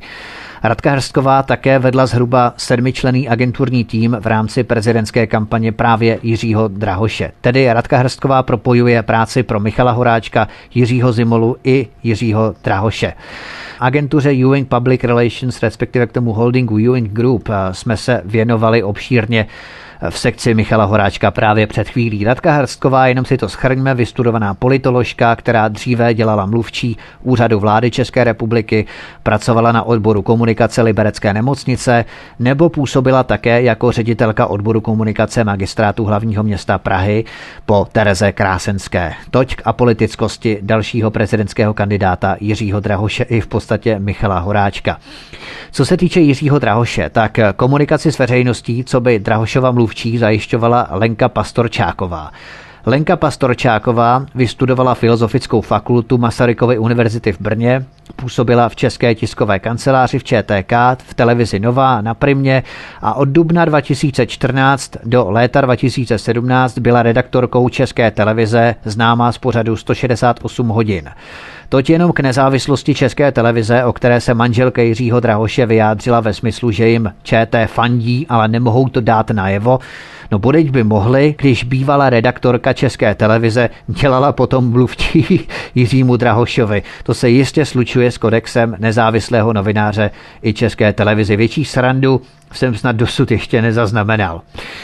Dále Jiřímu Drahošovi pomáhal Libor Kudláček, někdejší poslanec za ODA, Občanskou-demokratickou alianci, který po odchodu z politiky založil spolu s bývalým šéfem této strany Pavlem Bratinkou a dalšími partnery Jiřím Růžkem a Pavlem Štammachem poradensko-lobistickou firmu Eurofis Praha Brusel. Spolumajitelem této poradensko-lobistické firmy byl i někdejší svazácký bos, poslední předlistopadový předseda SSM, Socialistického svazu mládeže a biznismen Martin Ulčák. Libor Kudláček později k Jiřímu Drahošovi přivedl i šéfa jeho kampaně Jakuba Kleindísta, bývalého člena ODS, někdejšího starostu středočeského Nového Strašecí, později člena dozorčí rady společnosti LM Kompet, revoluční 655 lomeno 1 Praha 1. Toť opět k apolitickosti Jiřího Drahoše. Ve firmě ML Compet se objevili regionální politici z ODS a ČSSD. Policie tuto firmu měla dokonce v hledáčku v době, kdy byl přistižen David Rád s krabicí od vína se 7 milionovou hotovostí a v této společnosti ML Compet působil právě Jakub Kleindíst. Ulice Sukova Nové Strašecí, jeden z klíčových poradců Jiřího Drahoše. Jakub Kleindíst v této firmě ML Komplet figuroval od 21. září 2011 do 4. září 2012, přičemž David Rád byl zatčen 14. dubna 2012, tedy během působení Jakuba Kleindísta v této firmě. Mimochodem za tuto firmu ML Komplet byla tehdy zatčená členka představenstva Lucia Novanská. Lucia Novanská, členka představenstva firmy ML Compet, měla zajišťovat losovačky, kde vyhrála pro úpravu Buštěhradského zámku firma Konstruktiva Branko, kde byl také zatčený tehdejší ředitel Konstruktivy Branko Pavel Drážďanský a také obchodní ředitel Konstruktivy Branko Tomáš Mladý. Mimochodem, ta firma ML Compet, ve které působil i Drahošův poradce Jakub Kleindíst, zajišťovala už předtím několik výběrových řízení pro kraj a založili bývalý investiční náměstek středočeských krajských nemocnic a také bývalý poradce Davida Ráta Filip Bušina. A Filip Bušina se skupinou dalších 13 lidí už dříve čelil obžalobám z daňových podvodů ve výši 630 milionů korun českých. A mimochodem to podvodné losovací zařízení firmy ML Compet kam si zmizelo podle jednatele Otakara Čmelinského společnosti Vezák, která se podílela na výběru vítěze zakázky na úpravu gymnázia v Hostivici, kde mimochodem Rátův asistent Patrik Tomšů vyučoval golf, prosím pěkně. Tak tedy v této firmě ML Compet figuroval klíčový Drahošův poradce Jakub Kleindiest, přes Klejnístovu firmu Whenever SRO Karla Engliše 3221 lomeno 2 Smíchov Praha 5 se platili a fakturovali výdaje Drahošovy kampaně. Jakub Kleindíst mimochodem tuto firmu Whenever SRO založil 2. března 2017, tedy před rokem zhruba. Také pro Jiřího Drahoše pracovala společnost Česká produkční Social Media, která jenom během prosince 2017 inkasovala přes 6 milionů korun a která se mimochodem od ledna 2018 spojila s Ewing Public Relations. Velmi zajímavé. Jakub Kleindiest také do Drahošova týmu přivedl i zkušeného marketingového experta Karla Křivana, který v minulosti pracoval také třeba pro Ivana Langra z ODS a nebo exministra zdravotnictví z ČSSD Svatopluka Němečka. Také bychom neměli zapomenout na historika jménem Jaroslav Šebek, který měl k Jiřímu Drahošovi velmi blízko a určoval témata ráz kampaně a Jaroslav Šebek radil Jiřímu Drahošovi třeba v tématu uprchlické krize mimochodem. Ideovým poradcem Jiřího Drahoše byl také ředitel nakladatelství Akademia Jiří Padevět a jedním z poradců Jiřího Drahoše byl také bývalý diplomat a český velvyslanec ve Spojených státech amerických Petr Kolář. Petr Kolář je známý v rámci spolupráce s think tankem Evropské hodnoty Radko Hokovského, Jakuba Jandy a dalších. Vysokou částku, nejvyšší povolenou částku 3 miliony korun mu na jeho transparentní účet zaslal Aleš Graf, majitel energetické skupiny Centropol v Ústí nad Labem a tento Aleš Graf také staví prémiové rezidenční nemovitosti na Floridě ve Spojených státech. Dále Jiřího Drahoše podporuje nebo podporovala skupina dalších podnikatelů, například majitel MOL.cz, druhého největšího obchodu v České republice Jakub Haverland a generálním ředitelem MOL.cz je Vít Endler mimochodem. Nebo jeden z majitelů developerské společnosti Finep, Pavel Reichert, který Drahošovi v říjnu 2017 zaslal 100 000 korun. Nebo také Tomáš Krsek, největší akcionář a předseda představenstva Škoda Transportation, který Drahošovi poslal v září 2017 milion korun. U Tomáše Krska se chviličku pozastavíme. Daniel Beneš, aktuální ředitel Česu, je ale pro mnohé jenom prodluženou rukou bývalého ředitele Česu Martina Romana – a jeden z Romanových kamarádů, Tomáš Krsek, vydělal miliardy korun na obchodech s českými drahami a dopravním podnikem hlavního města Prahy a Krskova bývalá firma Škoda Transportation, o které jsme mluvili, přispěla právě 200 tisíci korunami think tanku Evropské hodnoty. Bývalými majiteli Škoda Plzeň, kromě Tomáše Karska, byli Martin Roman, později také ředitel Česu, Michal Korecký a Jiří Zapletal. Tady vidíme, jak je Jiří Drahoš spojen nejenom se skupinou kolem Litia, což by bylo na jinou debatu, ale také napojený na přívržence think tanku Evropské hodnoty. To je Petr Kolář, který podporoval Jiřího Drahoše, a zároveň evropské hodnoty, nebo Tomáš Krsek, který rovněž podporoval Jiřího Drahoše a prostřednictvím Škoda Transportation sponzoruje i evropské hodnoty. Je dobré si všímat těchto vazeb a vztahů, protože podle toho vyprofilujeme ukotvení jednotlivých osob, komu fandí, koho podporují. Stačí sledovat money trail, čili pevnou finanční stopu. Dále třeba miliardář Otakar Moťka, majitel skláren Cavalier, Drahošovi zaslal také 200 tisíc korun. Dále třeba 50 tisíc korun zaslal Drahošovi Josef Kotrba, šéf české poradenské společnosti Deloitte. Také významnými částkami přispěli podnikatelé Libor Winkler a Martin Vichterle. Dědečkem miliardáře Martina Vichterleho byl Oto Vichterle, který dal světu kontaktní čočky a Martin Vichterle, který Jiřímu Drahošovi přispěl částkou 700 tisíc korun, se dal na podnikání a vyrábí převodovky.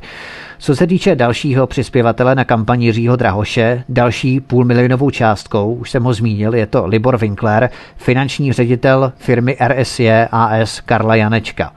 Libor Winkler je vědecký pracovník a mecenáš nadačního fondu Neuron, který každý rok odměňuje mladé vědce. Dalšími třemi miliony Jiřímu Drahošovi přispěl spolumajitel Jablotronu Dalibor Dědek, který podporoval hnutí stan. A také Dalibor Dědek, podporovatel stanu, strany starostů a nezávislých, který přispěl dvěma miliony Jiřímu Drahošovi, tak zároveň Dalibor Dědek přispěl Marku Hilšerovi částkou 50 tisíc korun. To je jenom, abychom si připomněli to, co jsme říkali v kapitole Marka Hilšera, tak abychom na to nezapomněli. Dále Jiřímu Drahošovi přispěl BBD Partners, za kterou stojí bývalý lobista a syn ex-ministra obrany Jan Dobrovský. Tento Jan Dobrovský dnes investuje spolu se svými společníky do solárních elektráren, do realit, kolínské traslovky mimochodem, ale také do výzkumu diagnostiky rakovinných buněk. Drahošovi Jan Dobrovský zaslal částku milion korun českých.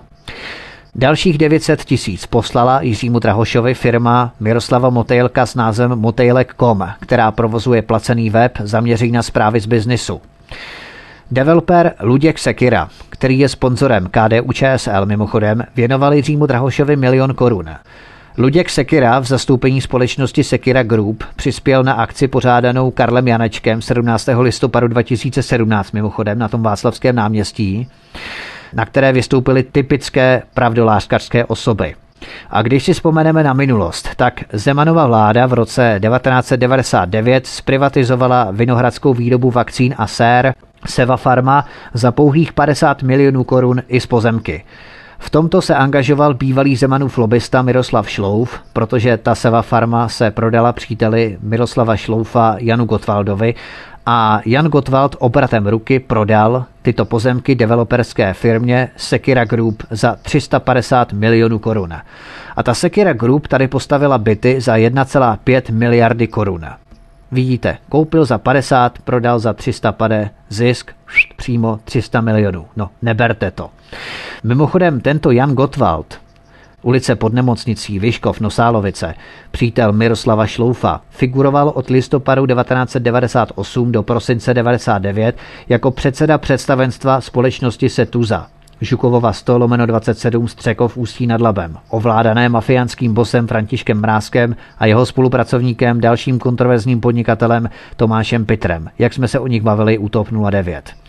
František Mrázek, stejně jako Jan Gottwald, který figuroval v orgánech Setuzy, byl blízkým známým Luďka Sekiry. Jehož Sekira Group Jan Gottwald prodal ty byty za 350 milionů korun.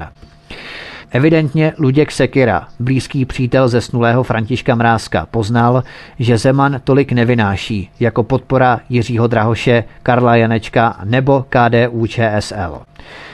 Podnikatel Luděk Sekira mimochodem vystoupil v pořadu Rozstřel serveru iDnes.cz, vzpomínáme si na ten jeho rozhovor možná, kde Luděk Sekira promluvil o tom, co je třeba dělat proti radikalizaci muslimů. Největší pozornost bychom podle názoru Luďka Sekiry měli věnovat 14 až 17 letým muslimům, kteří jsou podle jeho názoru křehcí, citliví a opuštění a snadno manipulovatelní. Možná pan Luděk Sekira schlédl zprávu o skupině migrantů v německých vyhlášených lázních ve Zvikau, kde tito migranté hromadně masturbovali, přímo tam, kde jiní relaxovali. A světe div se, neodhalili je ani klienti lidé lázní, ani Luděk Sekira je neodhalil, ale odhalili je bezpečnostní kamery ve Zvikau v těchto lázních, které natočili, jak tito imigranté ve výřivce masturbovali a někteří imigranté i ejakulovali. Možná to jsou ti citliví, opuštění a křehcí imigranté, se kterými by se Luděk Sekira rád seznámil, nebo se k ním v této činnosti dokonce i rád připojil. Kdo ví. Nadace Blíž k sobě podnikatele Martina Voháňky přispěla Jiřímu Drahošovi částkou milion a půl korun. Dále lázně Luhačovice a léčebné lázně Jáchymov přispěli Jiřímu Drahošovi částkou milion 300 tisíc korun. A kdo pak vlastní lázně Luhačovice? To si musíme trošku rozkrýt. Dříve vlastnil Lázně Darkov, bývalý ministr životního prostředí za ODS Pavel Drobil a podnikatel Jaroslav Čánek. Ti Lázně Darkov prodali 21. května 2014 miliardáři Zdeňku Zemkovi, respektive jeho společnosti Ferromet, patřící pod Z Group Steel Holding. Zdeněk Zemek je předsedou představenstva a v představenstvu sedí i jeho dva synové Zdeněk a Aleksandr Zemkovi. Zdeněk Zemek podniká v vodnictví, strojírenství, dopravě a lázeňství a vlastní třeba lázeňské domy v Ostrožské Nové Vsi, Velkých Losinách, Mariánských lázních anebo zmíněné lázně Luhačovice. Navíc elektrárny synů Zdeňka Zemka, Saši a Zdeňka juniora Zemka, obdrželi licenci k provozu, třeba že nebyly hotové, ačkoliv to jejich revizní zpráva tvrdila. Šlo o ty státem podporované obnovitelné zdroje energie, kde firmy fingovaly revizní zprávu na konci roku 2010, protože od následujícího roku 2011 se měla podpora státu na tyto obnovitelné energie dramaticky snížit. A v této kauze byli zapojeni synové Zdenka Zemka, jeho šlázni Luhačovice zaslali Jiřímu Drahošovi milion a půl korun. Dále firma Isoft Corporation Jiřímu Drahošovi zaslala částku milion korun. Tak, to by bylo k Jiřímu Drahošovi. Pojďme na závěr. Závěrem si zrekapitulujme nejdůležitější osoby spjaté s jednotlivými prezidentskými kandidáty a stranami. Miloš Zeman, hradní kancléř Vratislav Minář a poradce a vlivní podnikatel Martin Nejedlí, Jiří Drahoš, manažer kampaně a podnikatel Jakub Kleindíst, strateg kampaně historik Jaroslav Šebek, ideový poradce, nakladatel nakladatelství Akademia Jiří Padevět, další poradce, bývalý diplomat Petr Kolář, také spolupracuje s evropskými hodnotami, mluvčí Jiřího Drahoše a zároveň bývalá redaktorka České televize pořadu 168 hodin Lenka Pasterčáková, Potom Mirek Topolánek, organizátor kampaně, bývalý europoslanec občansko-demokratické strany, Edvard Kožušník, tvůrce kampaně, expert na kampaně Jakub Horák, který pracoval i pro Piráty, poradkyně a organizátorka, bývalá politička pražské ODS Gabriela Kloudová, tvůrce projevů Martin Šmarc. U Michala Horáčka, mediální zástupce a poradce na ekonomicko-politická témata Jiří Táborský, PR odbornice a spojka mezi Horáčkovým týmem a společností Ewing Public Relations Radka Hrstková, poradce v oblasti mezinárodní politiky překladatel Viktor Janiš a analytička mezinárodních vztahů Blanka Šoulová.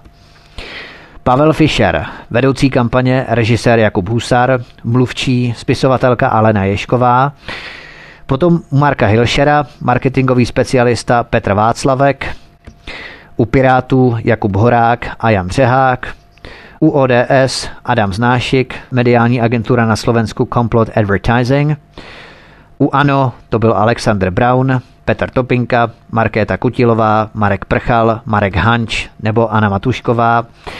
U KDU ČSL Filip Renč, Eduard Kauba, Vilém Kaubzan nebo František Lambert a u realistů Daniel Bartek. Prošli jsme si zásadní skutečnosti zákulisí, řídící struktury jednotlivých stran a kandidátů, lobistické skupiny, mluvčí, marketingové strategy, PRisty, mediální specialisty, experty. Vidíme, kdo stál za jednotlivými stranami nebo kandidáty, jaké skupiny nebo jednotlivci je podporují. Marku Hilšerovi bylo v listopadu 89 13 let. Jiří Drahoš byl pracovníkem vědeckých institucí, který se vrátil ze stáže ze západního Německa. Pavel Fischer byl v té době v listopadu 89 na studiu ve Francii. Michal Horáček byl před listopadem 89 čilý sáskař v Chuchli. Neuvěřitelná licoměrnost novinářské galérky je skutečně nechutná, kdy na jedné straně může bývalá redaktorka České televize vystupovat v roli mluvčí Jiřího Drahoše, nebo manželka Jiřího Drahoše prohlašovat, že jim ČT fandí, akorát, že to nemohou říct na hlas. A na straně druhé Rada pro rozhlasové a televizní vysílání 8. února 2018 zkoumala pořady na TV Barandov, které podle jejího předsedy Ivana Krejčího zvýhodňovala Miloše Zemana. Na druhé straně samotná bývalá redaktorka České televize vystupovala v roli mluvčího Jiřího Drahoše. Ještě jednou to zopakujme. Tohle radě pro rozhlasové a televizní vysílání nevadilo. Ale to je jenom dílčí část pokročilé metastáze, ve které se nachází česká mediální scéna. Sledujme tato hemžení lidí, kteří se ometají v blízkosti politických stran nebo prezidentských kandidátů za pět let. Lecos nám to napoví, kam máme danou osobu nebo stranu zařadit, kam směřuje, čí zájmy bude prosazovat a koho je exponentem. A hlavně nezapomínejme, udržujme si paměť, pamatujme si na všechno, protože to nám může skládat komplexní obraz pomoci našeho vlastního rozumu, nikoli skládat mozaiku z pečlivě protříděných, profiltrovaných střípků skutečností mediálními agenturami, které se živí tím, že složí lesklá sklíčka s barevnými odlesky tak, že celkový obrazec vypadá jako skvostné umělecké dílo. Je to jejich práce, kterou se živí. Sociální inženýrství, masová manipulace, prefabrikáty, spin doctoring. Mysleme vlastní hlavou, vlastním instinktem, vlastní intuicí a hlavně vlastním srdcem. Protože právě naše srdce tvoří tu poslední hráz, na kterou se můžeme spolehnout v případě, kdy všechny ostatní předchozí smysly definitivně selžou. To je vše, vážení posluchači. Já věřím, že vám mnohé otevřelo oči, u mnohého jsme si udělali jasno a těším se s vámi na slyšenou příště. Od mikrofonu vás zdraví Vítek. Prosím, sdílejte tyto pořady na sociálních sítích, buď z kanálu YouTube Svobodného vysílače, anebo i z naší stránky. A zmiňujte se o nás. Šiřte naše pořady, protože je důležité, jak obligátně říkáme, aby se tyto informace dostaly k co nejvíce lidem. Děkuji vám za pozornost, přeju vám hezký zbytek večera a těším se s vámi příště opět naslyšenou. Hezký zbytek dne.